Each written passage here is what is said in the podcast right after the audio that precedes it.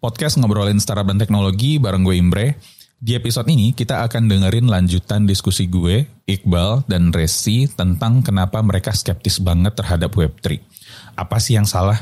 Kalau misalkan kalian belum dengar part 1 dari diskusi ini, silahkan dengerin dulu episode sebelumnya. Kalau enggak sih ya juga nggak apa-apa. Oke, tanpa berlama-lama lagi, yuk kita simak lanjutan diskusi kita tentang skeptis terhadap Web3. Selamat mendengarkan.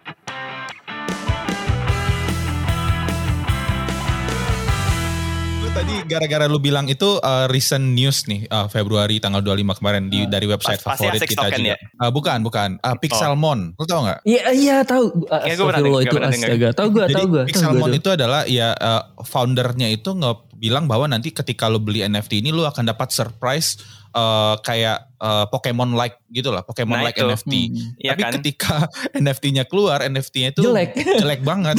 iya kan, iya. benar.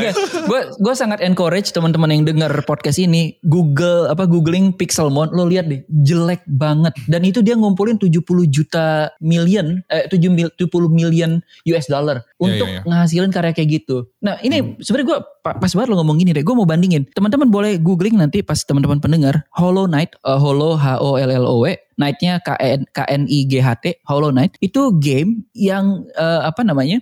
Game ini dia uh, Kickstarter project. Jadi dibikin dengan biaya uh, dia waktu pertama kali raise fund di Kickstarter, dia cuma targetin 35 ribu Australian dollar, cuma 350 juta atau 35 ribu Australian dollar kalau gue nggak salah. Dan dia dapat cuma 56 ribu Australian dollar. Tapi game ini lo lihat artworknya, be jauh. Kenapa? Kenapa? Nah ini kenapa? Kenapa? Kenapa bisa begitu? Karena pada sistem spekulatif seperti NFT, lo ngebalik insentifnya, lo ngebalik sistem insentifnya. Ketika lo bikin Kickstarter buat Hollow Knight, lo tuh menjual, nih ada ide artwork gue, gue punya yeah. ide bikin game, ini karya gue yang mau gue bikin, tapi okay. keuntungan lo baru dapet ketika gamenya jadi, dan karena lo cuma perlu modal di awal, gamenya jadi, keuntungan yang lo dapat adalah ketika gamenya laku, ya kan? Hmm, yeah. Jadi gamenya laku kalau gameplaynya bagus, artworknya keren, ceritanya oke, orang seneng mainnya, orang benar, benar itu. Dengan NFT project itu nggak kayak gitu. NFT Balikannya. project dananya lo pooling di depan semua. Akhirnya apa? Itulah kenapa di dunia NFT sering terjadi rug pull karena insentifnya udah ada di depan. Benar. Iya iya. Gitu. Ya, ya.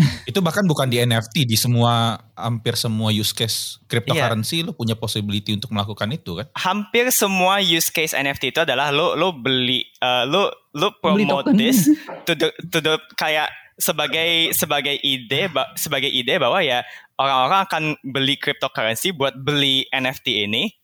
Jadi kan like it already it already, it already exists like it already exists to get you to buy crypto in the first place. Tapi kemudian lo menjadikan NFT itu bukan sebagai piece yang the piece that you want to enjoy, tapi sebagai yes yes an, a speculative investment token, di mana kebanyakan kebanyakan proyek-proyek di luar sana mereka ya mereka nge-pitch banyak ide yang oftentimes hmm. tanpa substance. Jadi gue lihat gue iya. kebanyakan hmm. gue kebanyakan ngelihat uh, kayak project-project NFT di luar sana itu kayak mereka they promise a video game, just just that a hmm. video game. Yeah. Nggak ada nggak ada ide, nggak ada kayak nggak ada bocoran buat kayak konsepnya kayak gimana, apakah hmm. apakah genrenya akan jadi kayak MMO atau FPS atau apa, uh, terus uh, art style-nya kayak gimana atau atau kayak lore kayak gimana. Jadi kayak it's just exists as a kind of like a cash cash grab kan, karena ya mm -hmm. Sebagai gamer sejati gue enjoy video game itu bahwa ya ada ya pokoknya gameplaynya bagus atau ceritanya ceritanya mantep atau ada replayability-nya.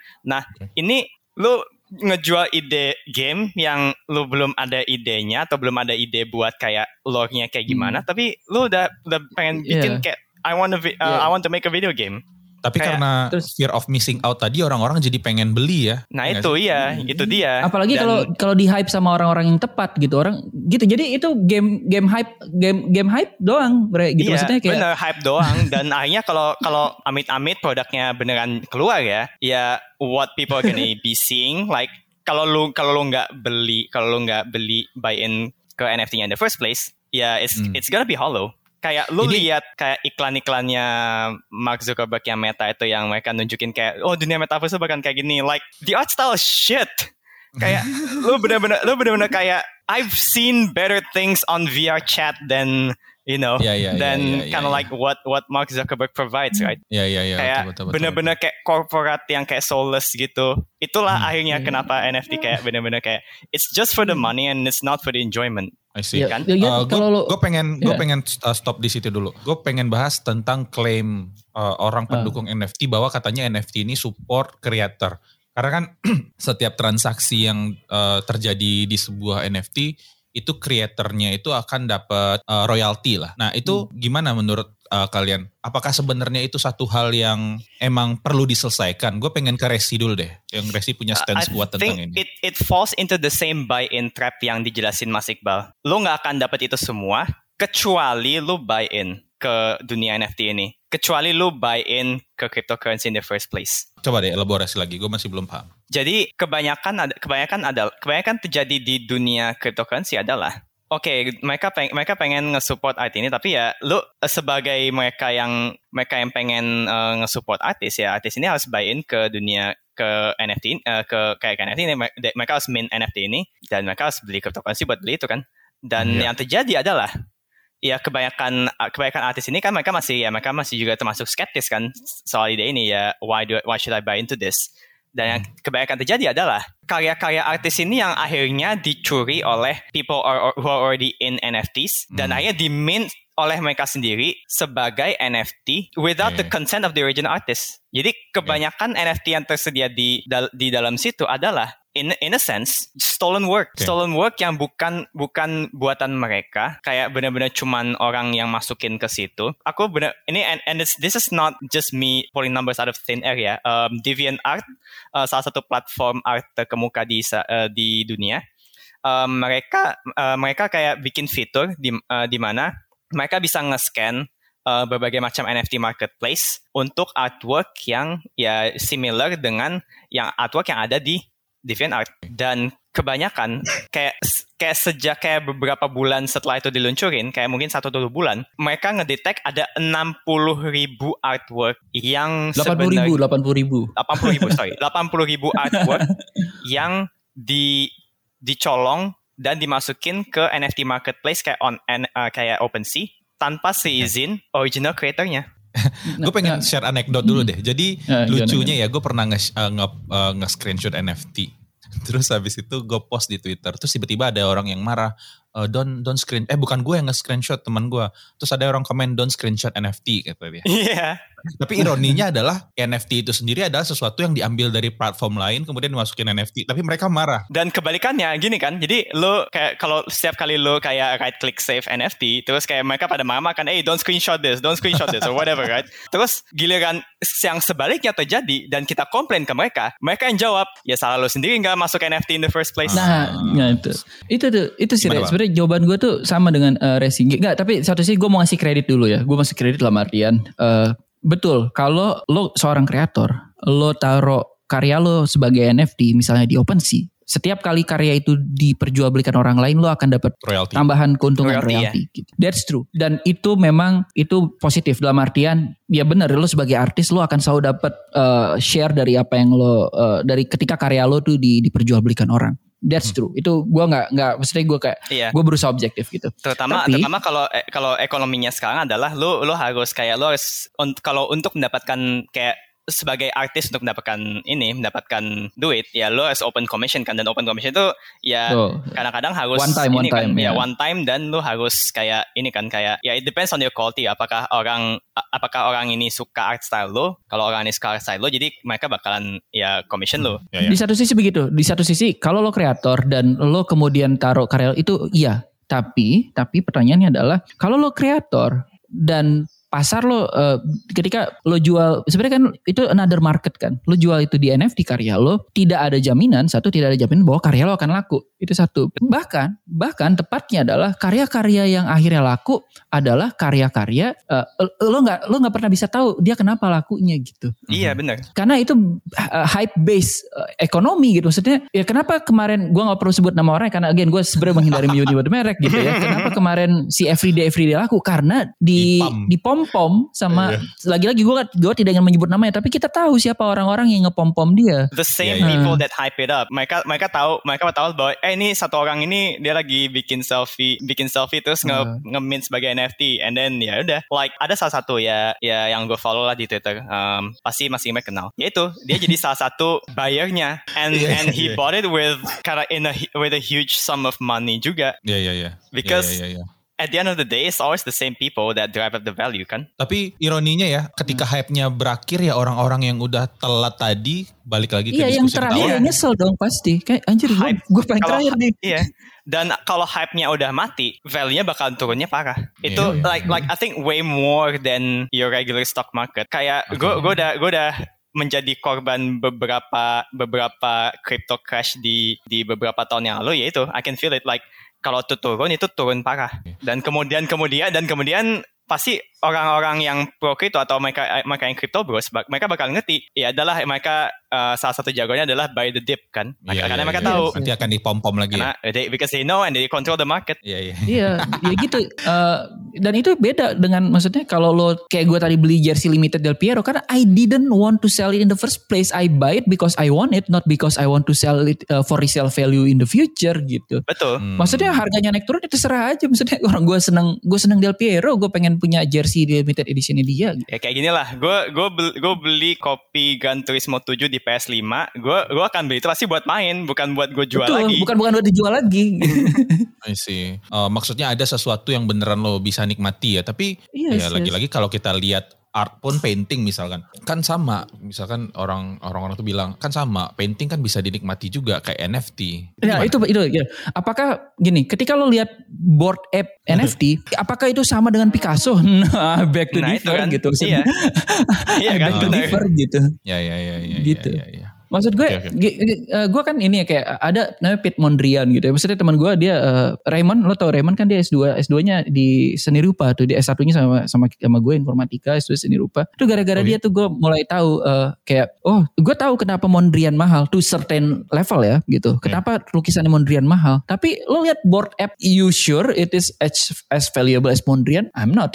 I'm not. Iya, iya. Meskipun Karena- tadi seperti kata karena lu punya eh, gambar monyet terus lu ganti-ganti bajunya lu ganti background lu ganti Iya, kan? gitu iya, ya iya, It's- itu basically iya, kayak- generated content gitu. Itu bener kayak oke eh, emang ada beberapa emang ada beberapa yang gue jelas kasih kredit soal eh, kredit to the NFT community. Eh, NFT itu emang emang sangat ideal itu buat generative art. Oke. Generative art itu kayak yang ya benar-benar kayak benar-benar yang randomly generated kan. Kayak ya lu uh, either painting abstract atau semacamnya adalah beberapa yang gue gue tahu tapi gue gue lupa namanya apa. Tapi kebanyakan generative art yang ada di NFT yaitu akhirnya berujung-ujung ke ya BAYC dan semacamnya yang kayak there's no substance and no uniqueness kan.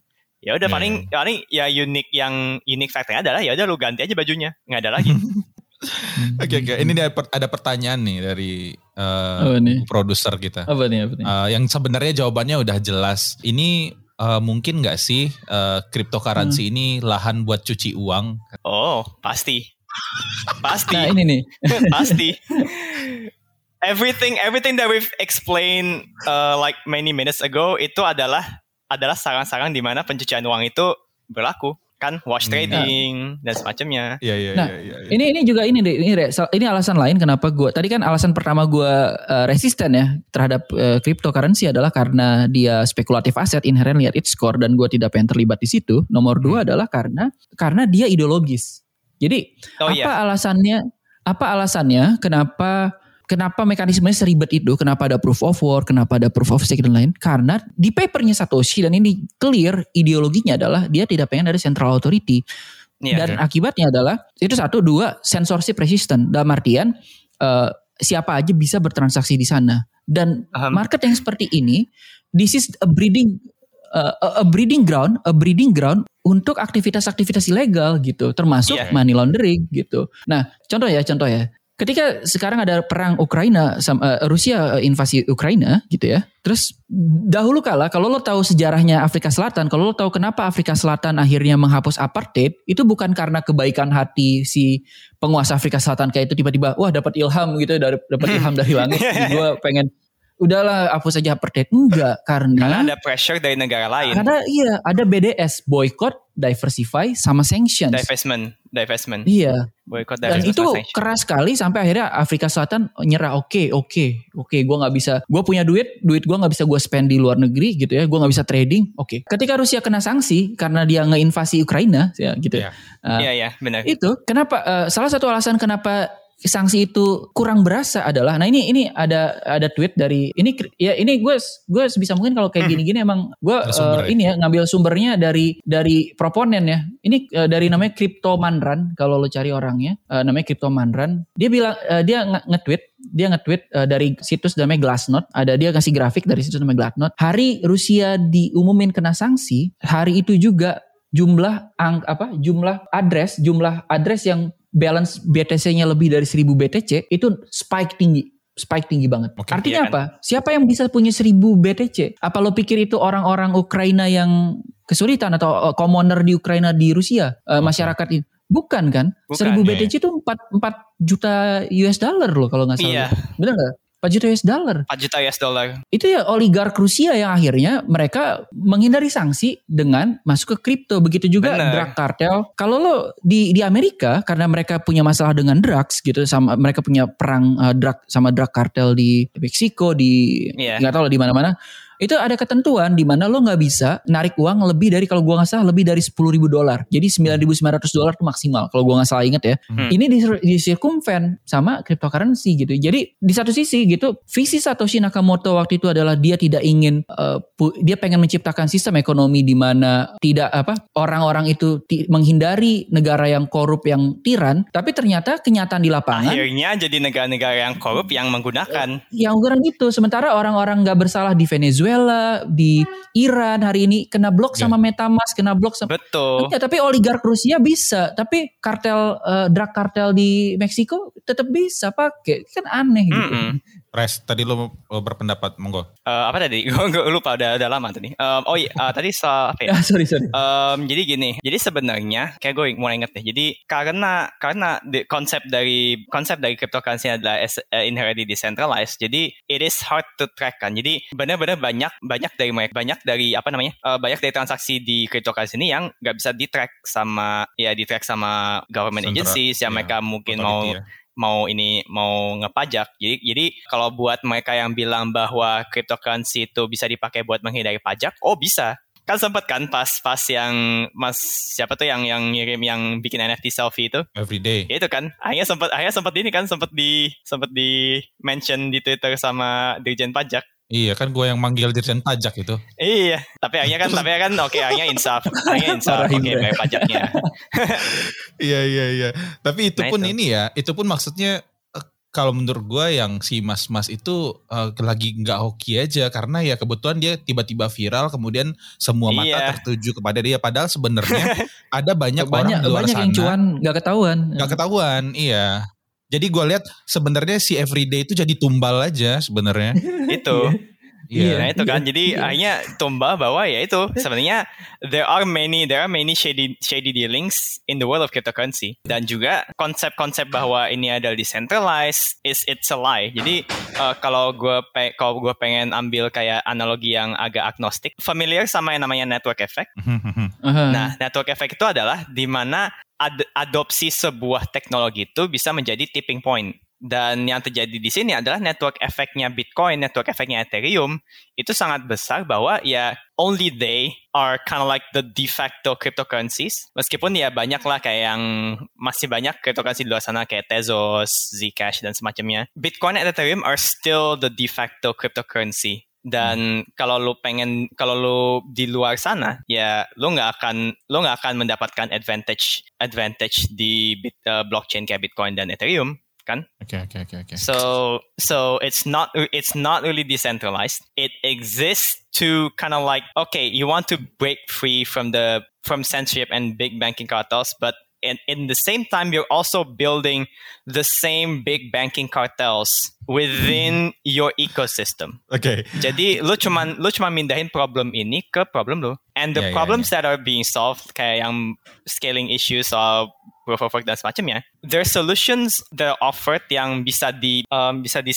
bisa di provide ke masyarakat biasa. There are just solving workarounds that are that are inherent karena masalah-masalahnya blockchain sendiri dan Yeah, juga yeah, kayak gimana ya? Kok jadi lupa ya? Itulah kenapa kayak dan juga dunia blockchain sendiri kan ya itu ya karena ada hype-nya. Jadi um, yang gue yang gue temukan di dunia Web3 itu adalah there are there are many solutions that they prof they, that they offer di mana nggak ada value substantial ya, atau value practical yang bisa digunakan oleh ya masyarakat biasa tapi yang yang mereka lebih ini lebih tekankan value-nya adalah value ideologisnya jadi ya, Iya, iya, iya. like I have never seen a practical kind of, kind of like a practical solution of Web3 in the real world. Tapi yang kebanyakan yang di hype itu adalah value-value ideologisnya kayak decentralized dan semacamnya, ya. NFT dan semacamnya. And it's Iya, iya. it's come to the point di mana ya when us skeptics ask for that. Jadi di mana kita kita sebagai skeptis menanyakan menanyakan hal-hal seperti itu, ya we get hit back by ya itu we get hit back by kayak ya cercaan lah Ideologi kayak tadi. NGMI, NGMI, H- HFSP dan semacamnya. dan gue kayak inilah jadi mereka ya benar-benar udah kayak they they feel like they're on their own cold. Udah benar-benar kayak stuck di dalam bubble sendiri nggak mau menerima kritik sedikit apa pun dari mereka yang skeptis. Jadi like ini kayak gue juga gue juga agak kecewa bahwa uh, mentalitas mentalitas ini pun juga dibawa oleh teman-teman gue yang software engineer yang seharusnya mereka lebih mengerti soal teknologi ini dan mereka bisa mereka bisa membagikan ya gimana keuntungannya gimana drawbacksnya. Tapi Iya, iya, iya. ya itu mereka mereka karena udah termakan hype jadi ya akhirnya mereka balik ke kita dan dan itu dan mereka they they fight back on they fight back these criticisms dengan ya itu akhirnya mereka ya mereka yang teriak lebih kenceng ah lu gimana sih lu lu nggak ngerti aja like like lu empati dikit lah sebagai software engineer Oke oke oke oke oke oke oke. Oke, Res, jangan marah-marah Res, jangan marah-marah Res. aduh makanya gue makanya gue ada minum tapi- dua botol nih dari tadi tapi tapi gue pribadi pun gue merasa apa ya? Gue merasa kayak anjir gara-gara kripto gue bisa sampai kehilangan teman anjir. Eh gue nggak tahu apakah itu gue yang merasa doang ya. Bener- tapi gue bener merasa ada kecewa gua. sentimen kayak gitu. Iya, maksudnya apaan sih? Dulu gue ada cloud, ada segala macam. Gue nggak kehilangan teman, tapi kenapa tiba-tiba kripto gue bisa sampai kehilangan teman? iya Gue kan mungkin nggak officially kehilangan teman, tapi gue merasa ya kayak kayak gitu aja. Iya kayak gitu ya lu lu akhirnya temen lo ini menjadi kayak makin keras makin rasanya kayak jualan Herbalife gitu jadi ya udahlah lu lu lu akhirnya mendistance kan ya ya mana mau Iya, lah lu iya, iya. mana mau lu uh, berhubungan dengan orang yang ya inilah kayak udah kemakan hype gitu dan juga kayak udah merasa kayak cold gitu kan Oke, oke. Stop. Gue cukup gue stop di sana. Gue pengen ke Eh. closing statement lagi karena kita udah kelebihan nih. Eh, dari Iqbal deh. Closing statement lu apa, Bal? Oke, gue agak panjang dikit gak apa-apa ya maksudnya gue. Jangan panjang-panjang dan setengah jam Iya. juga. Enggak, enggak, enggak. tiga, tiga menit lah, tiga Boleh menit. lah, Enggak, boleh ada, ada, ada dua hal sih uh, closing statement gue. Yang pertama adalah gue tuh bukan orang yang balik ke pertanyaan awal lo tadi ya. Gue tuh sebenarnya bukan orang yang tidak percaya ini akan jadi besar gitu ya. Uh, uh, Web3, uh, cryptocurrency dan uh, pokoknya cryptocurrency dan turunan termasuk Web3 akan menjadi besar. Gue bukan orang yang begitu gitu sebenarnya. Karena kenyataannya adalah kenyataannya adalah sekarang cryptocurrency ini itu sangat amat di, di, di, didorong sekali oleh orang-orang yang emang punya financial power, political power yang besar gitu. Ambil contoh kayak apa namanya orang-orang kayak Balaji Srinivasan, orang-orang pikir kayak mau nyebut Anang dan Ashanti Enggak, enggak, tadi. Mark Anderson, uh, Mark Anderson, uh, orang-orang uh, Anderson Horowitz lah, apa Iya, Shea iya, Dixon gitu ya. Mereka kan agendanya je- jelas, mereka pengen ini menjadi besar gitu ya. Dan Oke. bisa jadi itu jadi jadi besar gitu. Poin gue bukan di situ sebenarnya. Eh, meskipun eh, side note-nya adalah lucunya adalah orang-orang itu sering mendemonisasi web 2 gitu ya kayak wah lihat Iya. Facebook jual data kita. Lah, Facebook kan lulu juga. Anderson Horowitz itu adalah venture capital yang punya peran besar dalam membesarkan Facebook. Maksudnya kayak, ya lo jelek-jelek itu lulu juga. Iya, iya, iya. Iya. Oke. Nggak, anyway, nggak poin gue adalah gue bukan percaya bukannya tidak percaya mereka akan menjadi besar. Uh, to the contrary, kan gue sebenarnya gue resisten gitu. Sebenarnya tepatnya adalah uh, gue nggak masalah karena sebenarnya kan gue bukan orang yang pendengki. Maksudnya kalau mereka besar ya monggo aja. Cuman gue tidak pengen mereka menggantikan uh, sistem ekonomi yang sekarang gue tinggali. Kenapa? Karena gue merasa ya apa yang mereka tawarkan lebih buruk daripada yang ada sistem ekonomi yang mereka tawarkan lebih buruk daripada yang sekarang. Kenapa? 13 tahun 2009 itu pertama kali Satoshi Nakamoto rilis papernya ya. 13 tahun umur cryptocurrency. Sampai hari ini produk-produknya semua derivatif gitu. Semua use case cryptocurrency sampai hari ini itu derivatif. Di saat yang bersamaan 13 tahun adalah pertama kali iPhone dirilis dan baru kemudian gue lupa 1 2 tahun kemudian Android dirilis. Apa yang itu beda banget. Lo ngerasa nggak maksud gue? Yeah, apa yeah. yang terjadi 13 tahun lalu dengan munculnya mobile OS pertama kali? Maksudnya oke okay, dia bukan mobile OS yang pertama but still dia smartphone yang maksudnya Android dan iOS dua-duanya muncul 2009 setelah 2009 apa yang sudah mereka betapa banyak sekali use case yang sudah dibawa sama teknologi ini gitu. Maksudnya yeah. adalah they deliver use case they deliver they generate values that previously wasn't there. Kebalikannya dengan cryptocurrency mereka ngambil value dari fiat gitu. Ya untuk uh, early adopters. That's why I reject this technology gitu. I, I reject this new economy karena gue ngerasa lo pengen menghancurkan sistem ekonomi yang existing dengan sistem ekonomi baru di mana yuk bikin sistem ekonomi yang sama. And worse, worse malah I argue dan bedanya adalah cuman di sini you are the king of these new worlds gitu. You are the kings in this new world and I refuse to join such economy. Gue gitu sih kalau gue gitu.